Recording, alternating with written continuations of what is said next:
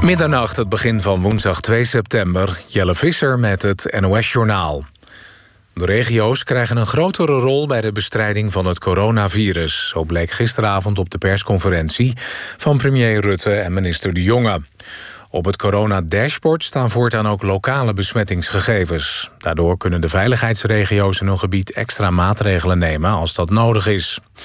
Rutte zei ook dat er geen reden is om de coronaregels te versoepelen. Het aantal besmettingen en ziekenhuisopnames is weliswaar al een tijdje stabiel, maar volgens hem kan dat zo weer veranderen. Ook werd duidelijk dat discotheken en nachtclubs voorlopig gesloten blijven. Minister De Jonge zei dat er steeds meer bekend wordt over het virus en dat er sprake is van voortschrijdend inzicht. Dat leidt tot uitbreiding van het aantal tests en testlocaties.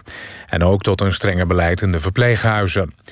Bij uitbraak in verpleeghuizen worden bewoners en personeel wekelijks getest. Het gebruik van mondkapjes wordt vaker verplicht. De jongen zei verder dat hij hoopt dat begin volgend jaar de eerste coronavaccins beschikbaar zijn.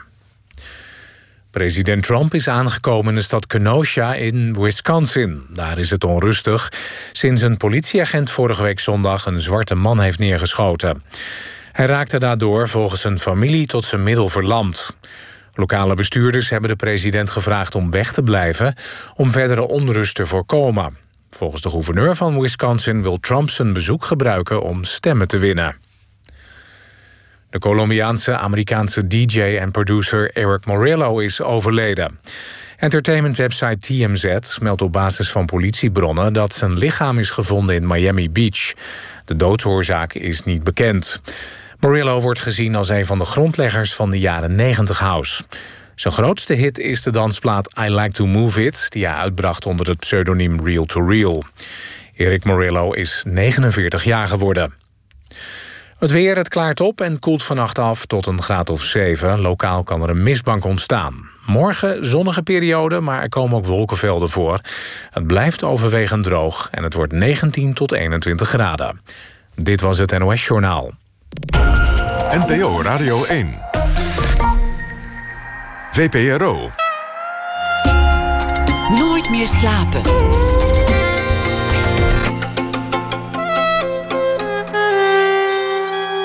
Met Pieter van der Wielen. Goedenacht, dit is Nooit meer slapen. Doet sneeuw pijn is de titel van een aangrijpend boek dat geschreven werd door Carolien Spaans, journalist en schrijver. Ze schreef daarin over haar grote liefde, die stierf bij een ski-ongeluk. En de schrijver die daarna met de zeven maanden oude baby het verder moest rooien. Roos Slikker maakte daar een script van en dat is een uh, toneelvoorstelling geworden. Een solovoorstelling. Saskia Temming staat moederziel alleen in de theaters. Saskia Temming, toneelspeler, werd bekend met de serie Oud Geld. Dat is alweer een tijdje terug.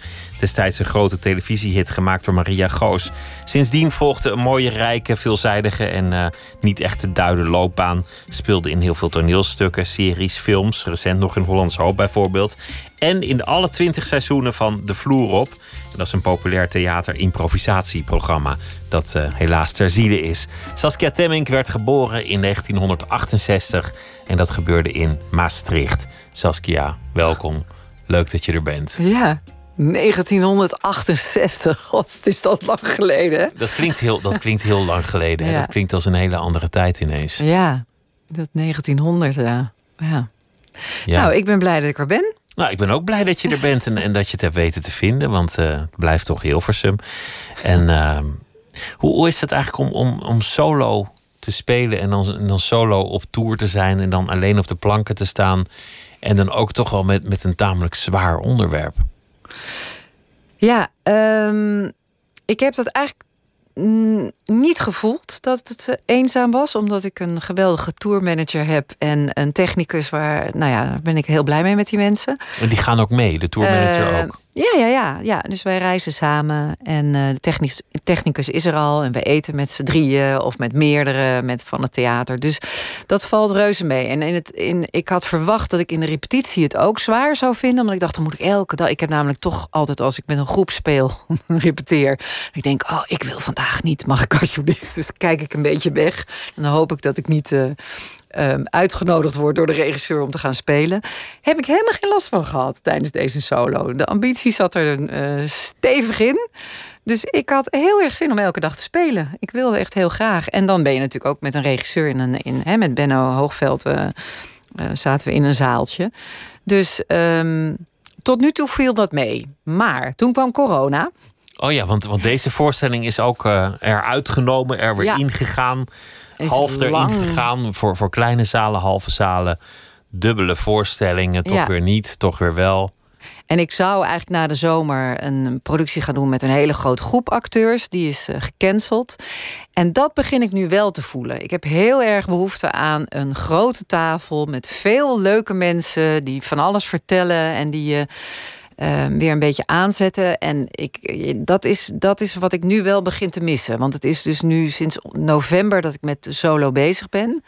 En dan die coronatijd het ook een beetje lonely is. En uh, ja, dus nu uh, voelde ik het wel zo na de zomer. Dat ik dacht, oh ja, nou is die productie weg en nou uh, ga ik weer uh, in mijn uppie verder. Ja. Want, want, jij bent freelancer. Ja. Ook. Ja. Dus, dus als dan alle podiumkunsten stil komen te liggen en dan weer half verder gaan, dan moet er toch wel enige nervositeit optreden, of niet? Nou, het is wel zo dat je als ZZP'er daar al enorm in, in opgegroeid bent, zeg maar. Dus in het thema onzekerheid. Ja, onzekerheid over geld, over komt er wel weer wat. Hè? Je hebt soms dat je al weet, oh ja, over een half jaar komt er weer wat. Nou, dan kan je best wel genieten van de tijd die je ook weer aan andere dingen kan besteden. Maar Ehm, ja, als je helemaal geen vooruitzichten hebt, dan krijg je het soms wel benauwd als acteur. Dan denk je, oké, is het dan nu klaar? Dat heb ik wel een aantal keer gehad. Dat je je afvraagt of het wel door blijft stromen. Of je carrière klaar is. Of, ja, of er niet een baantje moet komen. Ja, ja, en of je er niet andere dingen naast moet doen. Dus dat, dat is altijd een beetje spannend als ZZP'er. Dus uh, daarin voel ik wel dat ik, ja, dat, dat, dat ik wel wat kan hebben. Dat, maar um, het was raar met deze coronatijd. Dat je elke keer dacht: oh, maar dan gaan we in mei spelen. Oh, dan gaan we in juni spelen. Oh, nou ook allemaal weer niet. Oh, in juli dan. Nou, dan mocht ik nog uiteindelijk mocht ik er van de tien werden het er toch vijf of zo. Toen had ik het wel even, had ik er helemaal genoeg van. Omdat ik gek van werd dat ik inderdaad steeds eh, dingen beloofd leken te worden. Uh, hè, of dat nou door, door Rutte was of door de theaters. En toen dat ook allemaal niet doorging, toen kreeg ik het even benauwd. Toen dacht ik, ja, ik moet op een gegeven moment echt geld gaan verdienen. En ik blijf nu steeds wachten, omdat ik denk, nou, het komt wel. Maar ja, misschien gaat het wel een jaar niet komen. En dan misschien is het wel twee jaar. En dan wordt het wel heel uh, eng. Ja. Spannende tijd ook voor ja, jou. Zeker. Ja. Wat, wat deed je ja zeggen op deze voorstelling? Behalve honger en, en uh, uh, en, en, de huur die doorloopt. Maar, nee, maar want, nee, want nee, zo werkt het ook niet. Want jij bent, bent niet iemand die op alles ja, ja, zegt. En, en dit is toch een, een, een zwaar thema. Dat, dat mooie boek van Carolien Spaans. Ja. Waar, nou ja, dat hielp dit? enorm. Ik las het en ik dacht, ja, dit wil ik wel doen. Maar uh, we hadden daarvoor al een gesprek gehad met de producenten hè, van Solo Stories en, en uh, met Benno. En wat me toen aansprak, is dat zij iets wilde vertellen over weduwen. En over het verliezen van iemand. En het alleen moeten doen. En vooral over de daadkracht van, in dit geval omdat ik het zou spelen, een vrouw.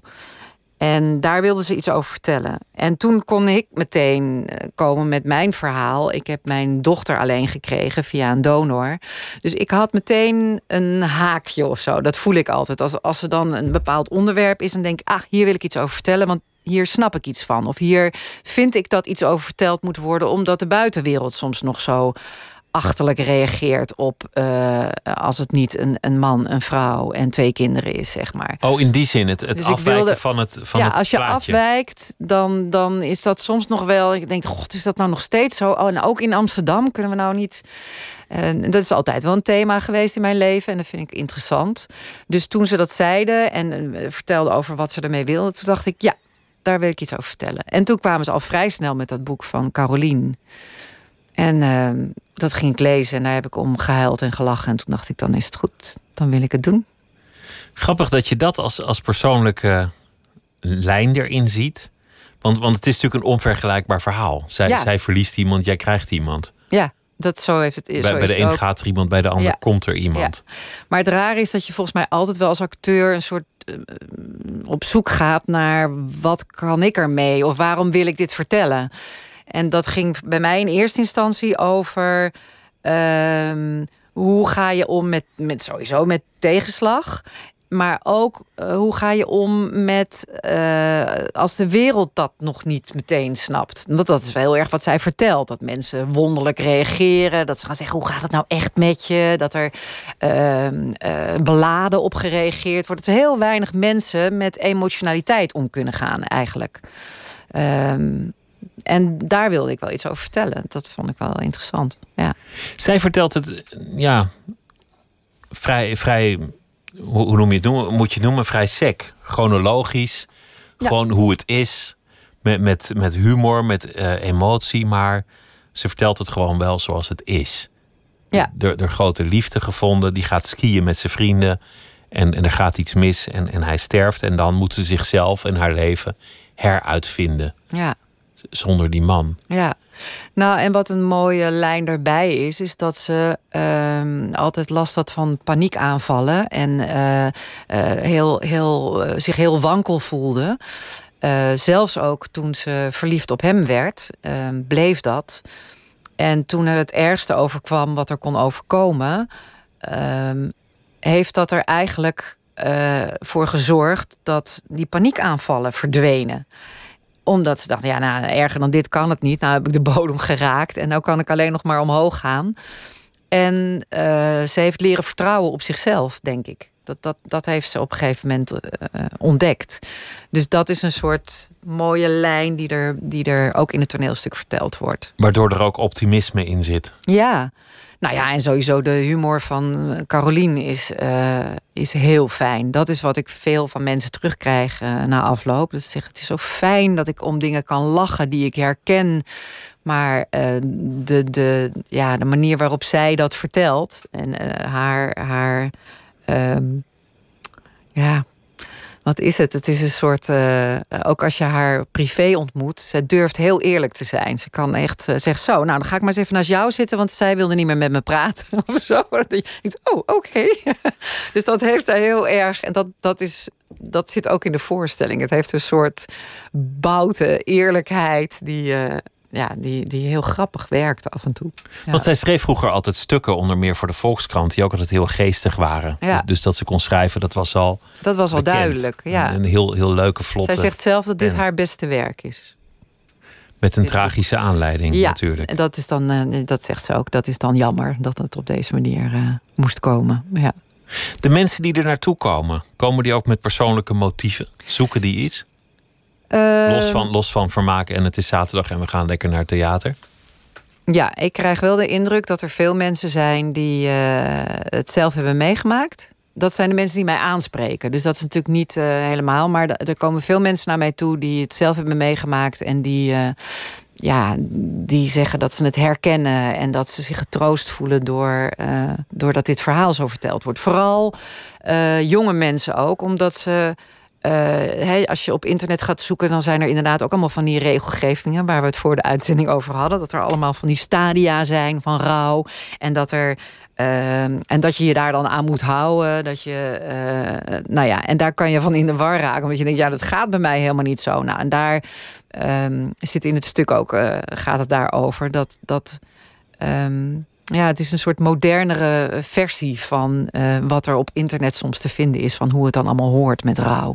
En dat is, dat is waar mensen heel blij van worden. Want ze denken, ja, dit herken ik. Dat alle fases eigenlijk door elkaar heen lopen. Ja, en dat het onzin is dat dat allemaal zo netjes na elkaar zou komen. En nu ben je en, hier en dit moet nu voorbij zijn. Ja. Jij mag niet meer huilen, daar ben je voorbij. Ja, nee, eerst is het, uh, het is niet waar. En dan is het, oh, wel waar, maar dan word je boos. En dan is het, maar ik ga er wat aan doen. En uh, nou ja, zo... Uh, en dan uiteindelijk kom je bij de acceptatie. Nou, en dan zegt zij, er klopt helemaal niks van. Ik las dat je een nieuwe liefde hebt ontmoet op diezelfde manier. Iemand die na afloop ja. nog een praatje kwam maken in de foyer. Nou ja, nee, dat is niet helemaal waar. Uh, hij stuurde me een berichtje. Omdat wij kennen elkaar. Uh, ik ken hem van de middelbare school. Hij zat in de vijfde toen ik in de eerste zat.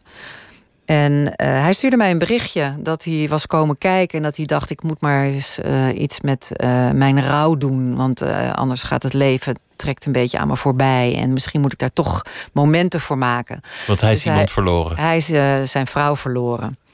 En hij uh, heeft gezorgd dat hij een uh, stoel naast uh, de, de gangen had, zeg maar, zodat hij weg kon komen als, hij het, als het hem niet beviel. Maar hij is blijven zitten en hij heeft heel erg gelachen en genoten van dat het inderdaad zo herkenbaar was.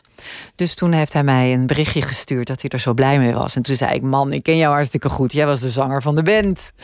En zo zijn we aan de praat geraakt. Hij wist niet meer dat jij dat kon weten.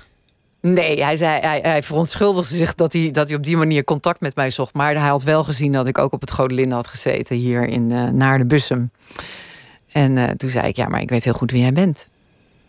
Dat is wel grappig dat je dan iemand verliest, iemand schrijft daar een boek over, iemand anders maakt daar weer een, een script van, jij speelt het en jij wint iemand of je ontmoet iemand. Ja, ja het is een goed scenario, toch?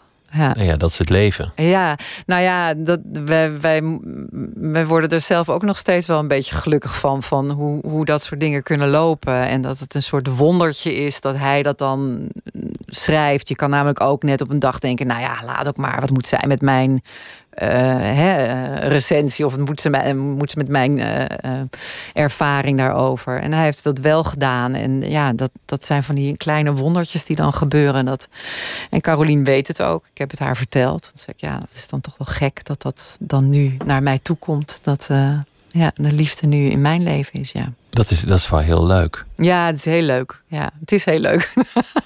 het is mooi aan het vak van, van actrice dat je, dat je een emotie moet verbeelden die je misschien niet zelf op die manier hebt meegemaakt. Je bent vast wel mensen verloren. Mm ik, weet, ik weet bijvoorbeeld dat je hebt gewerkt met, uh, met, met, Willem. Met Willem. Ja. Uh, die, die ook jong is overleden van de Sander Bakkenhuizen. Mm -hmm. En jullie kenden elkaar goed. Oud geld, ja. ja. En een goede vriend van me. Um, ja, ik, ik denk, ik, ik vind Maar dat, dat is toch anders dan een partner. Dus, ja. dus het is knap dat je, dat je daar dan in moet verdiepen. Ja, maar dat is wel echt het vak. Dat je, uh, en ik denk dat ik dat eigenlijk het moeilijkst vond toen ik heel jong was en op de toneelschool zat. Omdat je dan nog zo weinig uh, levenservaring hebt dat je echt soms niet weet waar je het vandaan moet halen. Um, eigenlijk wordt dat steeds makkelijker. Omdat je steeds. Uh, je hebt natuurlijk enorm veel gesprekken met mensen gehad. Want het is iets wat me interesseert. Ik merk dat, dat waar ik naar kijk. of wat ik interessant vind aan documentaires. dat heeft altijd te maken met het willen snappen van mensen.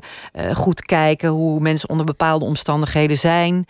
Um, en ja, misschien is het inderdaad niet het verliezen van een partner.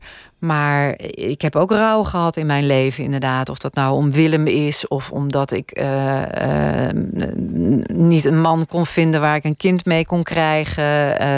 nou ja, zo zijn er in mijn leven ook dingen gebeurd die ik wel kan gebruiken in eerste instantie om het te begrijpen. En uiteindelijk, waar het misverstand soms zit, dat ze zeggen: ja, maar dit is toch een echt gebeurd verhaal. Of ik nou Medea speel of dit, dat, dat vlieg ik wel op dezelfde manier aan. Het, uh, um, en, en, um, ik, het blijft ik zoek... gewoon je vak. Terwijl je hebt nooit Ja. een, een kind vermoord zoals Medea. Nee. En dat, dat moet je toch spelen. Ja, precies. Dus het is daarin. ehm, eh, voelt, het voor, voelde het voor mij in eerste instantie niet anders. Het enige is dat ik op het moment dat we bijna klaar waren en de try-out fase ingingen, dat Carolien kwam kijken. Ja, en dan zit ze te snikken in een hoekje. En dan, dan, wordt, dan wordt het heel heftig en ook heel gênant opeens dat ik haar emotie, dat ik haar verhaal aan het spelen was. En dat ik daarna, als ik dan klaar ben, ja, dan ben ik ook wel enigszins aangedaan. Maar dan kan ik wel gewoon weer verder gaan met mijn leven. Dus dat is, dat is natuurlijk heel raar eraan. Dat, dat, dat ik haar, haar verhaal dan vertel. Maar op het moment dat ik aan het repeteren ben, ben ik er net zo mee bezig als met andere stukken. En maakte het mij dus niet uit of het een waar gebeurd verhaal in, in deze tijd was, of dat het een, uh, ja, een ander stuk is. Maar je hebt zelf toegevoegd het element van anders zijn dan het format. Mhm. Dat mensen zo graag aanhangen. Ook al bestaat dat format misschien niet eens zo heel vaak meer. Nee, dat, dat, Mannetje, denk je, maar ik vind het toch vrouwtje, nog wel behoorlijk veel. eh, Hond, kat, oprijlaan. eh, oh nee, geen oprijlaan. Nou ja, dat soort dingen. ja. Is, is dat eigenlijk nog steeds zo'n zo'n thema? Wordt, Voor merk, mij? Ja, merk je dat je daar wordt aangesproken, dat mensen daar eh, wenkbrauwen over optrekken?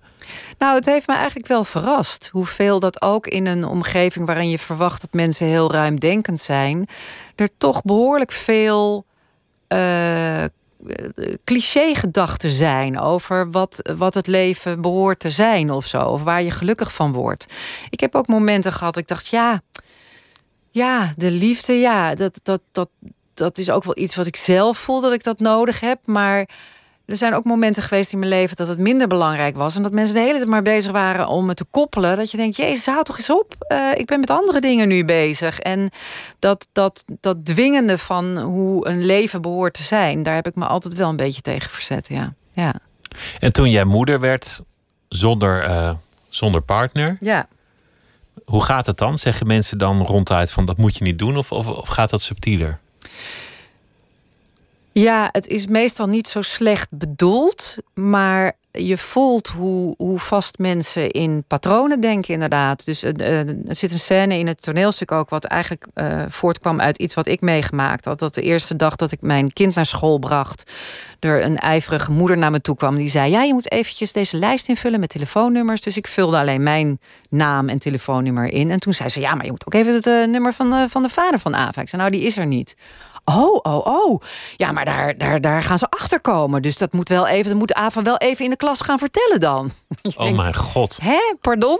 Daar gaan ze achter komen. Alsof het een groot geheim De is. gezinsgestapo. Ja, dus nou ja, dat zijn. En daar, daarin verspreekt iemand zich eigenlijk. Want het is geen slecht, vervelend iemand. Het is alleen iemand die, die zich verspreekt. Ja, letterlijk. En, en, en daarin eh, was ik natuurlijk op de eerste dag van school. dat Ik dacht, oh, mijn kind wordt straks op een stoel gezet en ik moet gaan melden. En die moet uitleg geven. Ja, dus ik meteen naar die kleuterjuf. En die zei, nee joh, tuurlijk niet. En doe, eh, laat het los. En natuurlijk gaan we dat niet doen. Maar goed, dan voel je je dus even onbeschermd. Omdat je denkt, ja, eh, dat wil ik niet. Dat, dat, dat mijn kind daarmee geconfronteerd wordt. Dus, eh, maar goed, ondertussen heeft eh, Ava, mijn dochter, al een spreekbeurt gehouden over haar. eh, dat ze een kind is van een donor. Dus ja, wij hebben er nooit ingewikkeld over gedaan. Maar dat je geconfronteerd wordt met. Eh, wonderlijke uitspraken. En eh, ja, ik vind het ook leuk om. Ik weet dat er op een gegeven moment een New Yorkse vrouw was. Die had, geloof ik, een titel. eh, dat Het rommelige leven of zo. En dat zij ook beschreef dat juist in die kunstenaars zien. toch mensen op een gegeven moment. toen ze zwanger was van een tweede of een derde man. dat ze zeiden: ja, maar kan je dat niet beter aborteren. en wachten tot je een, echt kind krijgt of zoiets. Zo- Zo'n totaal belachelijke uitspraak. Dat iemand die dan kunstenaar was, dan toch niet in staat is om te denken: Nou, dan krijg je van de derde man een kind. En tuurlijk, doe het. En eh, als je daar behoeft, als je dat wil, dan is dat eh, mooi. En eh, wat is er mis mee? Dat mensen zich toch vaak een, een soort beeld hebben over wat dan toch de perfecte manier is van, van zijn. Ja. Terwijl, er- terwijl er weinig bewijs is dat die, dat die perfecte, traditionele, nette manier is. Zo gelukkig maakt. Zo gelukkig maakt en altijd goed gaat. Ja, Ik ken genoeg Ja. gevallen waarin dat hopeloos ontspoord is, of in ieder geval tot veel ongeluk heeft geleid. ja. Dus als je een gezin hebt met, nou ja, samengesteld uit partners, ex-partners, donoren, eh, semi-donoren en eh, al voed je een kind met de hele straat op, als je het met liefde doet, Ja. prima. Nou ja, en dat is, kijk, het was ook niet mijn eerste keus natuurlijk. Hè, dus, eh, ehm, maar wat, wat ik echt geleerd heb. En wat, wat voor mij een, soort schoonheid heeft, is dat er een, een leegte eh, eh, naast mij en Ava stond. Waar mensen heel vaak ingestapt zijn. Dus ik moest werken, dus ik moest oppassen nemen. Dus ik kreeg van de toneelschool, ik gaf daar toen les, mensen in mijn huis die geweldig waren. Eh, vrouwen die bleven slapen, de meest fantastische dingen met mijn kind gingen doen. Dus dat, dat die ruimte die er soms is, dat mensen daarin springen. En dat had ik niet van tevoren verwacht. Ik had verwacht, oké, nou moet ik me wapenen, want dan moet ik het allemaal alleen doen. En dat is ook wat heel vaak mensen zeggen: van ja, maar jeetje, hoe heb je dat gedaan? Ik vond het zo'n zware periode met mijn partner samen. En ik zei: Maar ik heb het niet alleen gedaan. Ik heb het geen moment alleen gedaan. Ik had een vriendin van mij die maakte gewoon meteen nadat ik terugkwam uit het ziekenhuis en bevallen was, maakte ze een schema van tien dagen waarin al die mensen kwamen koken. En, en het was ja, ik hou er heel erg van. Ik, misschien was het wel leuker dan als ik het samen met één iemand had gedaan. Want het had een soort. Ehm, nou ja, bijna alsof de straat uh, mijn kind uh, opvoedde. Als je het zo. Hè, dus de eerste nacht sliep ik. En lag Ava op de borst van een vriendin van mij, die op de bank in slaap was gevallen. Ja, ik heb daar hele goede herinneringen aan. Ik heb daar nooit gevoeld van, oh, was nou maar. Omdat ik het ook niet ken. Dus ik heb inderdaad een heel ander verhaal dan Carolien, die iemand moest missen. Dat heb ik niet op die manier gehad. Nee, nee want dat gaat echt over, over rouw en ja. iemand missen. Ja. Je hebt muziek meegenomen, dat, dat, dat gaat er ook over. Nick Cave, die natuurlijk een, een kind is verloren. Zijn, zijn zoon is uh, overleden. En hij heeft uh, liedjes gemaakt die, die bij Vlagen prachtig zijn. En dit nummer zit ook in de, de voorstelling. Ja. Grief Came Riding.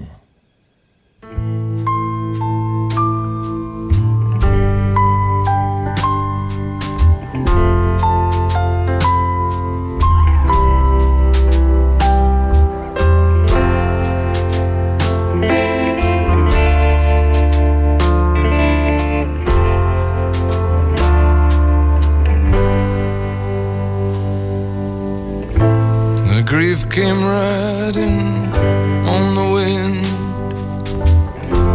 up the sullen river Thames. I was sitting on the bank with my mouth open, and I felt it entering. I began thinking about our wedding day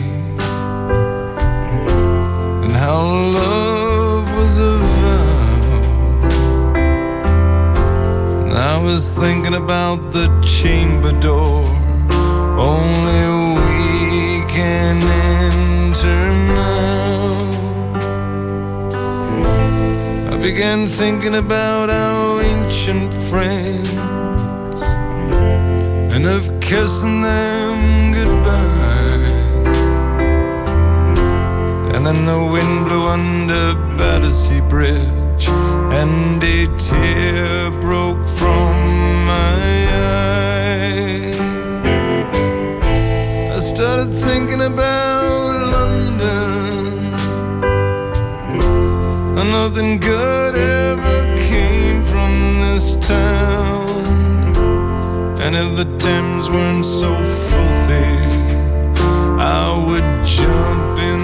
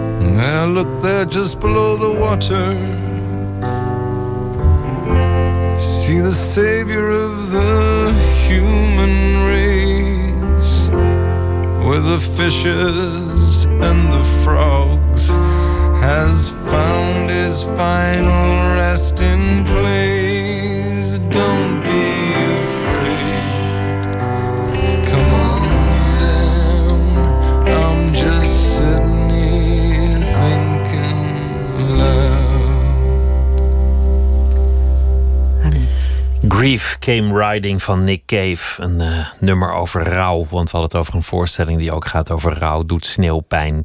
En de hoofdrolspeler Saskia Temmink die zit hier. En we spraken naast eh, rouw en pijn ook wel over, eh, over andere dingen. Het, het rommelige leven versus het georganiseerde leven. Je, je stamt zelf uit een, uit een gelukkig gezin. Ja, Een hechte familie. ja. Geboren in en Maastricht. een moeder en een oudere zus. Ja, geboren in Maastricht. in Bussum. Ja, hier vlakbij, ja. Ja, ja nee, ehm, dat was best een, een, eh, een, een fijne basis. Maar ik heb het niet gekopieerd, nee. Je dacht, ik, ik, ik doe het op mijn manier. Of ja, of zo ging het gewoon. Ja, zo gaat het gewoon. Hè? Het is niet een soort keuze. Het is wel dat ik altijd wel al jong op zoek was naar een soort eh, rafelrandjes. Ik vond mensen die eh, ook op de lagere school zelfs al in mijn klas zaten, die een soort heel ander leven hadden. Daar was ik wel nieuwsgierig naar. Toneelschool doet natuurlijk heel veel met je. Eh, maakt dat je ehm, ja, eigenlijk veel over grenzen gaat, dingen uitprobeert, eh, ehm, ja, waarom eh, dingen bevraagt. Eh, je gaat natuurlijk op zoek naar drama in toneelstukken. Dus je, je, je gaat nadenken over ja, waarom is dat eigenlijk zo? Dus daarin. En je ontmoet mensen die, die ehm, misschien ook niet allemaal een soort standaard leven eh, ambiëren. Dus daar, daar begint het dan denk ik wel een beetje. Ja. De drang om het zelf te doen, om je eigen vrijheid te zoeken. Ja. Want het is natuurlijk een vorm van vrijheid om geen format te, te kopiëren. Ja, dat is wel altijd wat ik heel sterk heb gehad. En dat is ook wel iets wat mijn ouders me mee hebben gegeven, denk ik. Dus dat denk zelf na, bepaal zelf wat je wil. Eh, ehm, ja, al vroeg werd me duidelijk gemaakt van dat ik niet eh, vooral in de groep moest blijven lopen. Ja. Je bent ook nooit toegetreden, bij mijn weten, tot een, tot een groep.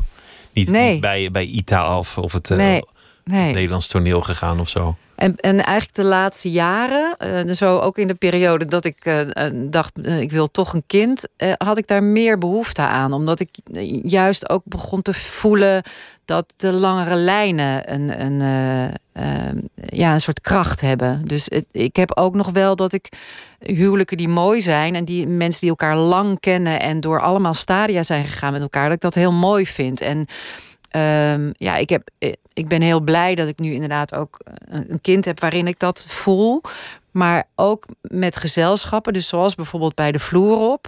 Daar was ik echt ontroerd toen we dat interview hadden eh, voor televisie. Omdat ik dacht, ah, die twintig jaar, hebben zoveel met elkaar meegemaakt. En eh, ik, ik ga heel goed op als mensen mij goed kennen en eh, ik ze kan vertrouwen. Dus eh, daarin voelde ik wel, nou, het is best jammer dat dit stopt nu. Ja. ja. Dus, en, en, en dus de wens om bij een toneelgroep te, te horen is er heel lang niet geweest. Omdat ik dacht, ik wil alles meemaken en allemaal verschillende mensen leren kennen.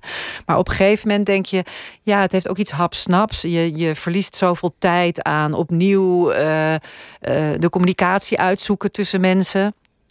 Dus ik dacht, nou, ik ben nu wel toe aan, aan de wat langere lijnen eigenlijk. Ja, Aan een eh, surrogaatfamilie ook op het werk. ja, ja precies. Ja. Hoe, hoe kwam je eigenlijk terecht op die toneelschool? Ehm, nou, ik voelde al heel jong dat ik dat spelen leuk vond. Dus ik zat op een hele creatieve eh, lagere school. Hier bij de Hilversums Meent. Met eh, alleen maar leraren die, die het liefst alleen maar weekopeningen en weeksluitingen deden. Met gitaren en... Nou ja, ik heb er niet zoveel geleerd voor mijn gevoel, maar wel heel erg veel kringgesprekken en, en toneelstukjes. En, en acts en andere creatieve dingen. Dus daar is het wel ontstaan dat ik gewoon dat spelen zo leuk vond. En toen ging ik naar de middelbare school, naar het Groot Linde. En daar zat Sietse Dolstra. En dat was een cabaretier en leraar Nederlands. En hij schreef echt elk jaar een eigen musical. Dus hij maakte dat helemaal zelf met muziek erbij en alles. En daar ging ik ook aan meedoen. En dat, uh, ja, dat zette het wel aan. En toen dacht ik ook nog, ja, maar goed, acteur, dan moet je wel uit zo'n nest komen. En wij waren wel kunstminnend, maar uh, ja, meer leraren. En, uh, dus toen dacht ik, nou, dan word ik docent drama. En toen had ik op een gegeven moment dat ik in Hilversum een cursusje deed. En dat iemand zei, nee, je moet gewoon auditie gaan doen. Je moet gewoon gaan proberen. En toen werd ik meteen aangenomen als broekie. Dus toen dacht ik, nou, dan ga ik maar. 18 jaar en naar Maastricht. Hoe, hoe gaat dan zoiets dat aangenomen worden? Dan moet je toch auditie doen? Ja, ja. Dus, dus dan ging je, ging je met een treinkaartje naar Maastricht? Ja. En, en dan, dan zit je daar. Wat, wat, krijg je dan een tekst of zo? Of, uh... Nou, ik moest een monoloog en een gedicht voorbereiden. En dat was ook echt, ik, ik had geen idee. Ik had heel weinig nog aan toneel gezien. Dus ik ging gewoon naar de Busmse bibliotheek en pakte een boekje wat een leuke kaft had. Een toneelstuk dan wel. Naar, naar zo'n zo'n heel klein uh, rijtje toneelstukken wat daar dan stond. En toen vond ik een monoloog daarin. En toen dacht ik, nou dan doe ik die. Zo ging het. En dat ging goed. En dat ging goed, ja. ja. En waar ging dat dan over? Wonder. Dat, dat, die monoloog was een soort bewerking van uh, Under the Volcano. Dus dat ging over een vrouw die er uh, alcoholische man aansprak. Waar ik het vandaan heb gehaald, geen idee. Er werd toen wel gevraagd van... God, heb je dit zelf meegemaakt in je leven? En toen zei ik, nee, nee. En um, ja, ik heb geen idee wat ik gedaan heb. Ik heb gewoon uh, dat vol drama gespeeld. Maar uh, blijkbaar was dat goed genoeg. Ja. Ik hoor wel eens verhalen van mensen die op allerlei opleidingen opdrachten krijgen van je bent nu een huilende boom. Ja. Een boom met verdriet. Ik moest een, uh, een verliefd badmatje spelen. Nou, zie je, daar gaan we. Ja. ja. Wat doet een verliefd badmatje? Ja, en toen werd het uiteindelijk met, met ook nog met uh, een hoogpolig badmatje werd het uiteindelijk. Nou ja, kijk, wat ik leuk vind, is dat ik wel eens mensen heb gehad die mij aanspraken. Die zeiden, nou, en toen ik dat hoorde, toen dacht ik, nou, dan ga ik echt geen auditie doen. En toen dacht ik, nou, dat is precies de bedoeling. Ze willen gewoon dat er behoorlijk geselecteerd wordt. En, het is gewoon een soort ontgroening. Nou ja, het is al, als je er nou al niet heen gaat, omdat je dat al niet ziet zitten, dan ben je er inderdaad, dan is het misschien niet de plek waar je heen moet. Je moet er de lol van inzien. Je moet denken, ja, hoe ziet dat eruit? Nou, ik ging op mijn rug liggen en ik ging eens iets proberen. En dat dat dat je daar niet van schrikt of dat je daar zin in krijgt om te kijken hoe kan je dat uitbeelden. Ja, heb je verbeelding, uh, heb je lef, nou dan heb je al heel veel gezien van, uh, van uh, iemand. Dus dat is toch waar, hoe het werkt. Ja, bij, bij de vloer op, dan, dan improviseren jullie. Dat, dat gaat wel iets over mensen. Ik kan me geen aflevering herinneren waar iemand een, een lantaarnpaal moest, moest doen of zoiets. Ja, ja. Of, een, of, een, of een hamburger. Maar het, het, het is vaak wel ja, op, op dezelfde manier met heel weinig middelen iets maken. Ja. ja, dat vind ik eigenlijk het leukste wat er is. Het allerleukste. En ook vooral omdat je, doordat je het samen doet, want daar, daar ga ik het meest op aan. Als ik voel dat, dat je met z'n tweeën naar iets toebouwt en je kan het niet bedenken. En dat er dan opeens iets gebeurt wat je gewoon thuis niet kan kan schrijven, bedenken. Dat gebeurt alleen maar doordat je contact hebt met elkaar. En doordat de een een associatie heeft, krijg jij weer een associatie. En zo werkt die fantasie naar iets toe wat je, ja, wat, wat helemaal nieuw is, wat je, wat je niet had kunnen bedenken. Een, een aantal keer, als het echt lukt, dan, dan, dan zag je in dat programma scènes die, die je eigenlijk niet op dat niveau ziet wanneer, wanneer iets geschreven, geregisseerd, netjes gemonteerd en, en opgenomen is. Af en toe ontstonden er parels en dat, dat reikte hoger dan, dan een scriptschrijver ooit zou kunnen bedenken.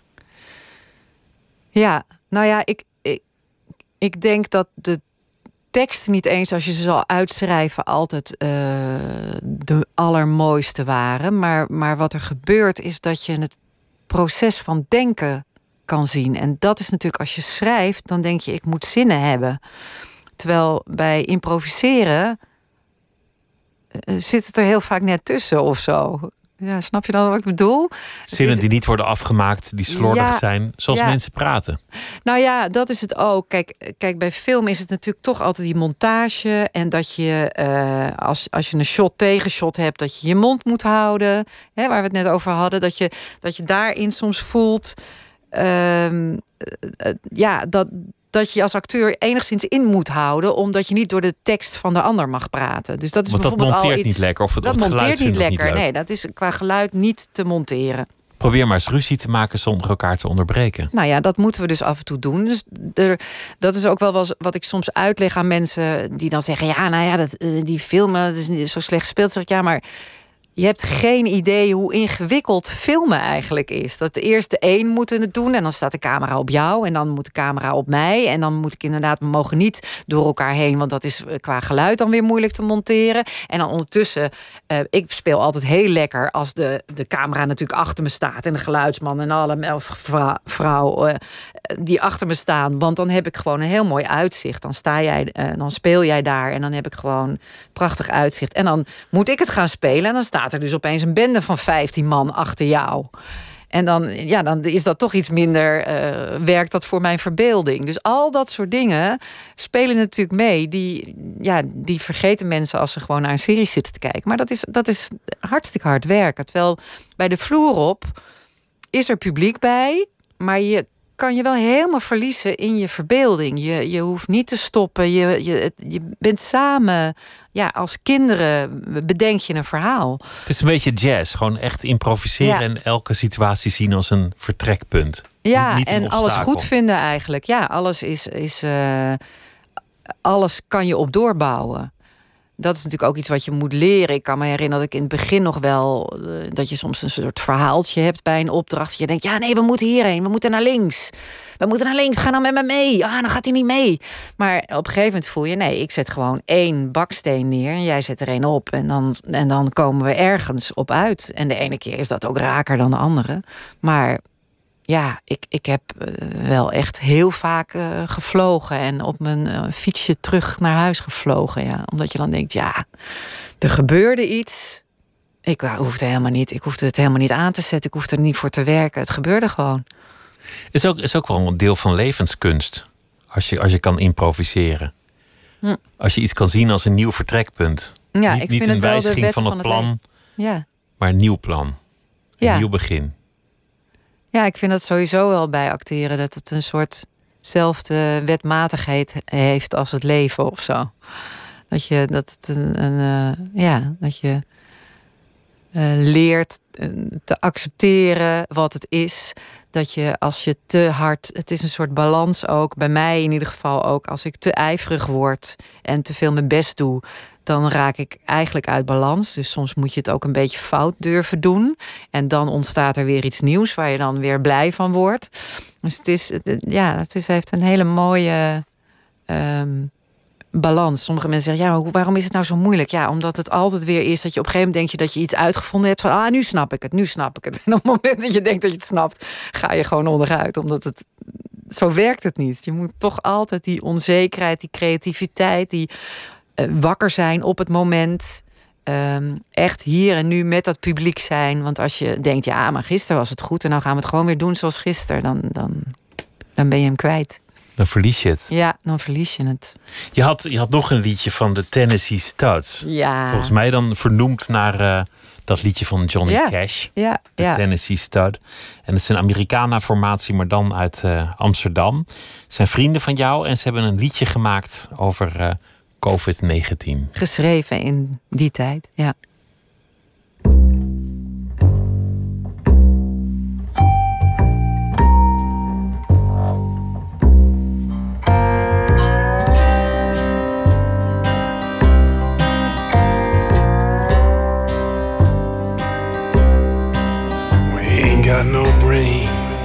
We ain't got no got no guts, ain't got no soul. Billions of years since we saw you come. How many more to see you go?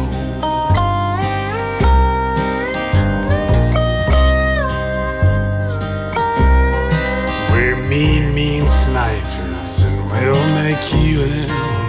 Invisible monsters with a license to kill. How many tears, fear and sorrow. The last man standing, he will know. COVID 19, COVID 19. I'm the meanest thing you've never seen.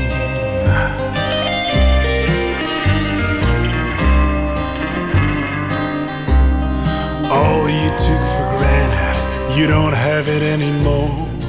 Your streets are empty. Go home and close the door. Our art's in numbers, and our music's in pain. And never seen our beauty's in vain. COVID 19, COVID 19. I'm the meanest thing you've never seen.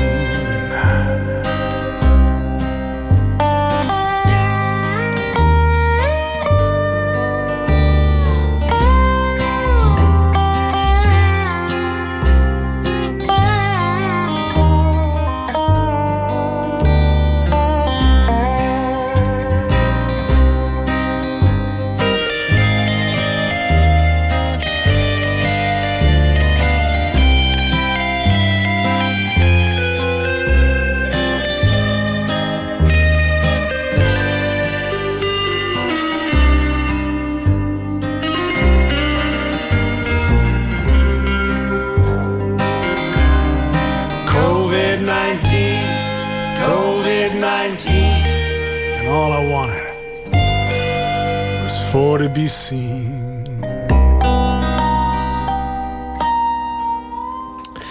COVID-19 van de Tennessee Studs, een Americana-formatie uit Amsterdam.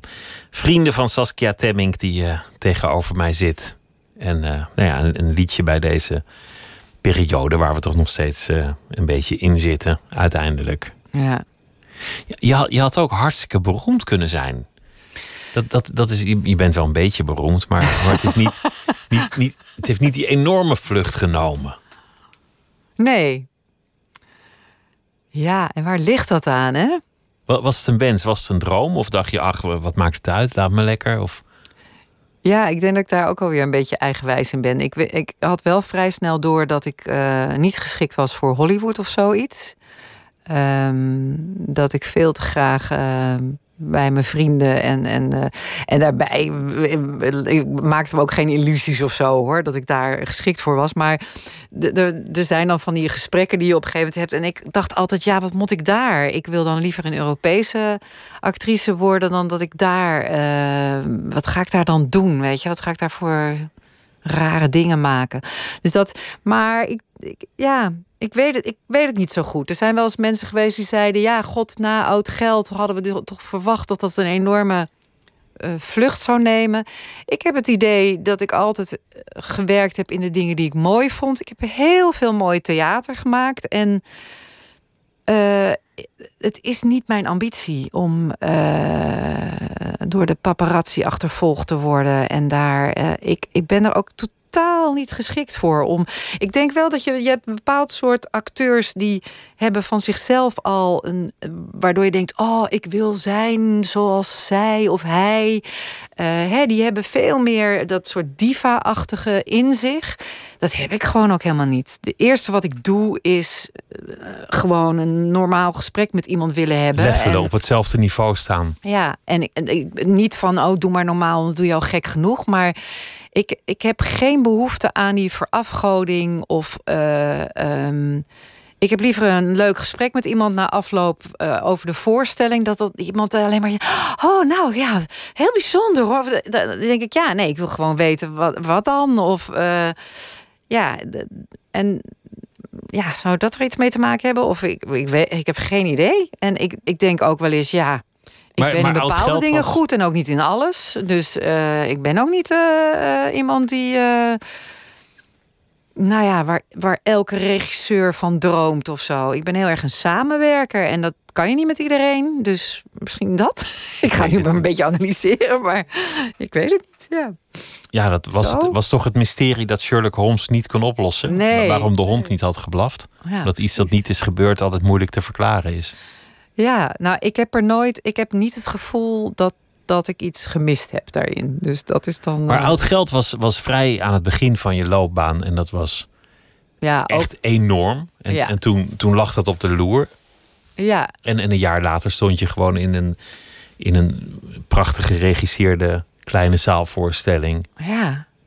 En ik heb Lekker te werken. Ja, ik heb met, met vier vrienden heb ik eh, in mijn eigen huis met potten en pannen van mij eh, paradevoorstellingen gemaakt waar ik ontzettend gelukkig van werd.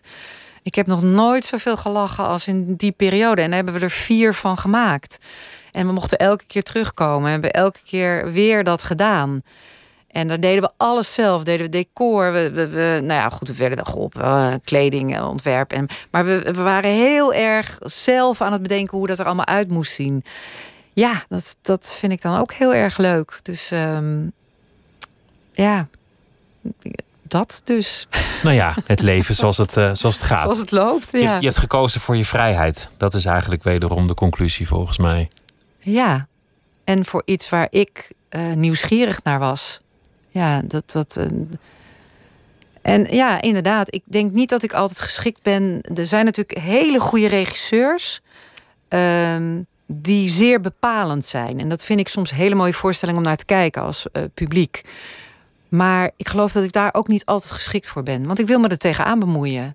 En dat werkt niet altijd. Dus dat zou ook iets kunnen zijn. Ik ben toch eh, iemand die eh, mee wil maken. Dus daarom is de vloer op ook zo geschikt voor mij. Ik vind het ontzettend fijn om zelf te mogen leveren. Ja, Om te gloriëren in zo'n rol, in, in, in dat spel. In, eh, in, in Hollands Hoop, daar, daar speel je een, een van de drie vrouwen van, van zo'n ja, van, van zo'n rijke man die zijn leven op zijn manier leeft. en, en die dan een gezin vormt met z'n vieren. ja, En op een zeker ogenblik wordt het zelfs nog iets rommeliger dan dat. ja. Neo-hippies. Ja. Ja, die, die dan ook samen gaan trommelen en, en, en mediteren en, en dat soort dingen. Ik Ja. geloof dat jij ook een beetje de esoterische kant eh, Ja, ik- brengt in die rol. ja, ik voelde ook nog dingen. Ja, ik voelde van tevoren aan wat er ging gebeuren. Ja. Dat is wel leuk als je eigen streven ook in je rol naar voren komt. Om, om, om het leven te bevragen, om andere manieren te onderzoeken. Ja. Ja, dat was bijvoorbeeld ook weer waarop ik heel erg aanging. Toen ik dat hoorde, dacht ik: Oh, dit is leuk om te vertellen. Omdat het er ook over ging dat, eh, eh, ondanks dat ehm, eh, Marcel Hensma en Kim van Koten natuurlijk ook niet heel erg standaard waren. Nee. Wat hun allemaal overkwam, hadden ze toch allemaal standaard vragen naar die mensen toe. Van: Oh, maar wie is dan de echte moeder? En oh, komen, laat je ouders komen eten. Ik heb, kan nog wel twee bordjes neerzetten. Nee, je moet in dit geval vier bordjes neerzetten. Nou ja, dat soort dingen. Dus dat wa- was de grap natuurlijk, dat daarmee gespeeld werd. En dat, dat spreekt mij meteen heel erg aan, ja. Ja, Je bent ook een opleiding begonnen tot scenario schrijver. ja. Dat is interessant. ja ik eh, heb één jaar Script Academy gedaan. Daarna ging ik die solo doen. Dus toen dacht ik, eh, dan, dan ga ik dat tweede jaar ga ik, eh, daarna doen. Nou, dat loopt ietsje anders nu. Ehm, het is wel een heel moeilijk vak, scenario schrijven. Ja, ja het is. Ik weet het nog niet. Ik ben nu bezig met een clubje eh, met eh, Niels Croisset en eh, Irene Schoenmakers. Zijn we met z'n drieën bezig met een serie te bedenken. Maar oh mijn god, wat, wat, wat, er zijn zoveel dingen waar je op moet letten. Kijk, in die dialoog schrijven, dat, dat komt denk ik wel goed. En, en ik heb ook altijd wel een soort overzicht van wat ik dan zou willen vertellen. Maar ah, locaties en rekening houden met dat het gemaakt kan worden. Dat je het dus niet absurd duur moet maken. En eh, Dat, dat vertelde een scenario schrijver een keer, dat, dat, ben ik nooit vergeten. Die zei dan, dan begin je en zeg je nou, de, de bandieten ontsnappen per helikopter. En een Nederlandse scenario schrijver moet dan meteen denken, ja. eh, nee, een brommer. dat is een stuk goedkoper. Ja, ja. Nou ja, ik ben nog niet eens zo ver gekomen dat, dat eh, hè, mijn fantasie er helemaal is. En dat je dan moet gaan bedenken hoe het er dan in Nederland eh, geproduceerd kan worden.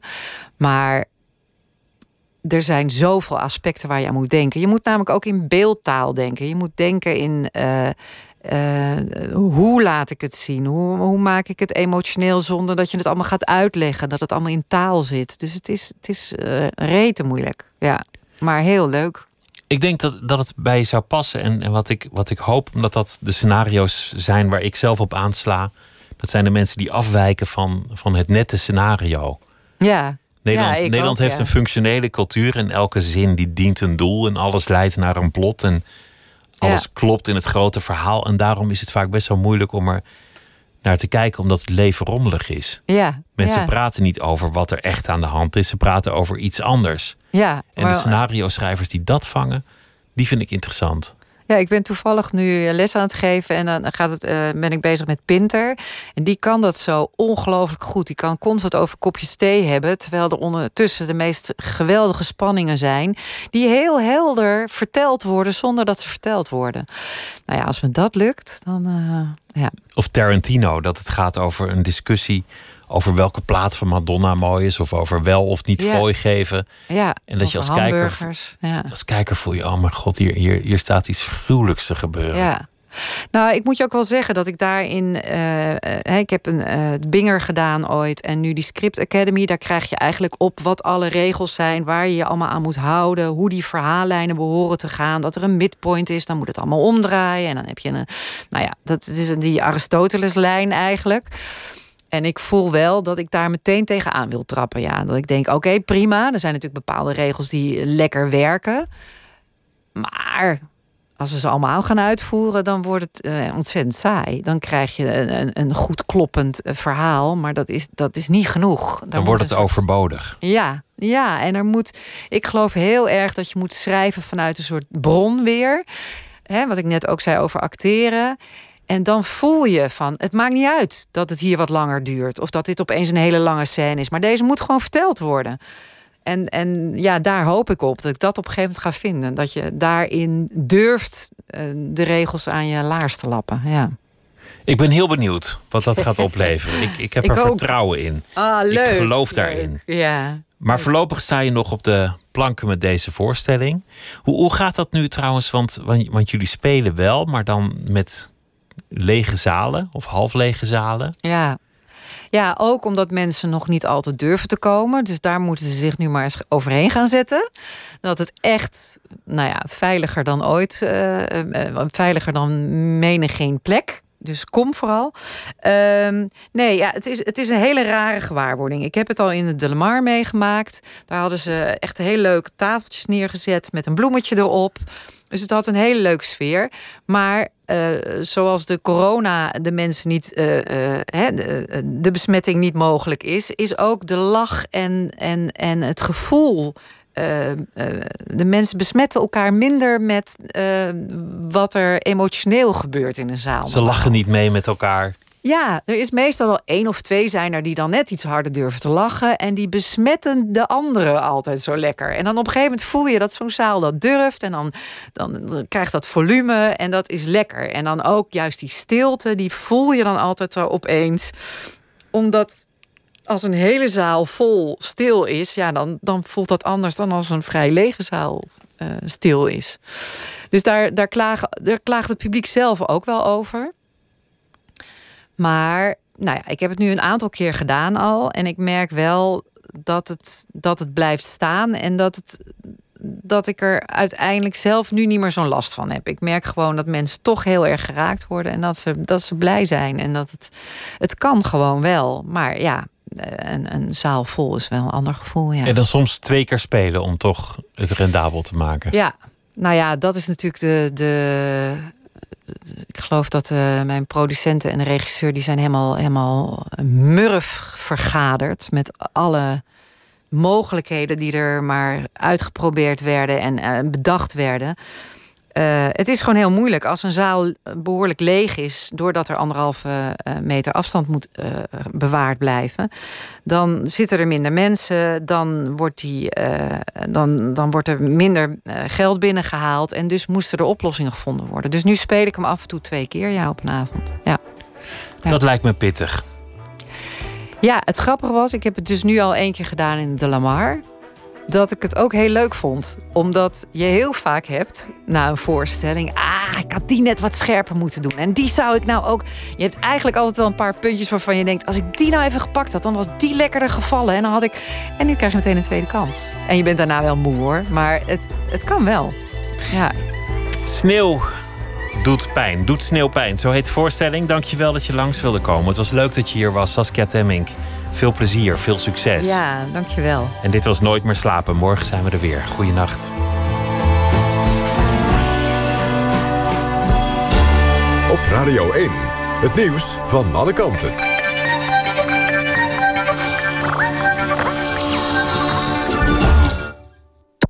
NPO Radio 1. Het is 1 uur, Jelle Visser met het NOS-journaal. Er zijn opnieuw foto's opgedoken van de bruiloft van minister Grapperhaus van Justitie en Veiligheid. SBS Show News toonde gisteravond foto's waarop de minister onder meer een hand lijkt te geven en zijn schoonmoeder omhelst. Vorige week raakte Grapperhaus in opspraak door beelden van zijn bruiloft. Daarop was te zien dat hij en zijn gasten zich niet hielden aan de anderhalve meter regel op de trappen van het stadhuis. Het leidde tot verontwaardiging. Grapperhaus is als minister verantwoordelijk voor de handhaving van de coronamaatregelen. Vandaag wil de Kamer de minister ondervragen over zijn bruiloft. De regio's krijgen een grotere rol bij de bestrijding van het coronavirus. Zo bleek gisteravond op de persconferentie van premier Rutte en minister De Jonge. Op het corona-dashboard staan voortaan ook lokale besmettingsgegevens. Daardoor kunnen de veiligheidsregio's in hun gebied extra maatregelen nemen als dat nodig is. Rutte zei ook dat er geen reden is om de coronaregels te versoepelen. Het aantal besmettingen en ziekenhuisopnames is weliswaar al een tijdje stabiel, maar volgens hem kan dat zo weer veranderen. Ook werd duidelijk dat discotheken en nachtclubs voorlopig gesloten blijven. Minister De Jonge zei dat er steeds meer bekend wordt over het virus en dat er sprake is van voortschrijdend inzicht. Dat leidt tot uitbreiding van het aantal tests en testlocaties en ook tot een strenger beleid in de verpleeghuizen. Bij uitbraak in verpleeghuizen worden bewoners en personeel wekelijks getest. Het gebruik van mondkapjes wordt vaker verplicht. De jongen zei verder dat hij hoopt dat begin volgend jaar de eerste coronavaccins beschikbaar zullen zijn. Poppodium De Effenaar in Eindhoven ontslaat 45 van de 80 medewerkers. Het poppodium leidt zwaar onder de maatregelen tegen het coronavirus. Eerder was er al een grote ontslagronde bij onder meer Paradiso in Amsterdam. En dan het weer. Het klaart op en koelt vannacht af tot een graad of 7. Lokaal kan er een mistbank ontstaan. Overdag zonnige periodes, maar er komen ook wolkenvelden voorbij. Het blijft overwegend droog. Het wordt 19 tot 21 graden. Dit was het NOS Journaal.